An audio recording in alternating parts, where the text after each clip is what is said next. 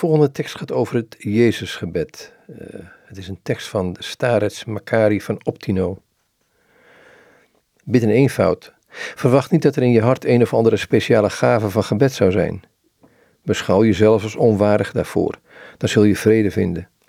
Gebruik de lege, koude dorheid van je gebed als voedsel voor je nederigheid. Herhaal voortdurend: Ik ben niet waardig, Heer, ik ben niet waardig.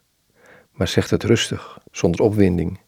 Dit nederige gebed zal aanvaardbaar zijn voor God. Wanneer je het Jezusgebed beoefent, denk eraan dat nederigheid het belangrijkste is.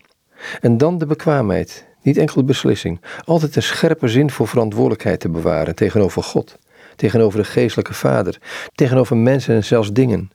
Denk ook aan de waarschuwing van Isaac de Syriër wanneer hij zegt dat Gods wraak degene treft die het bittere kruis van de doodstrijd weigeren te dragen het kruis van actief lijden, en die in hun streven naar visioenen en speciale gebedsgenade zich op eigenzinnige manier de verheerlijkingen van het kruis trachten toe te eigenen.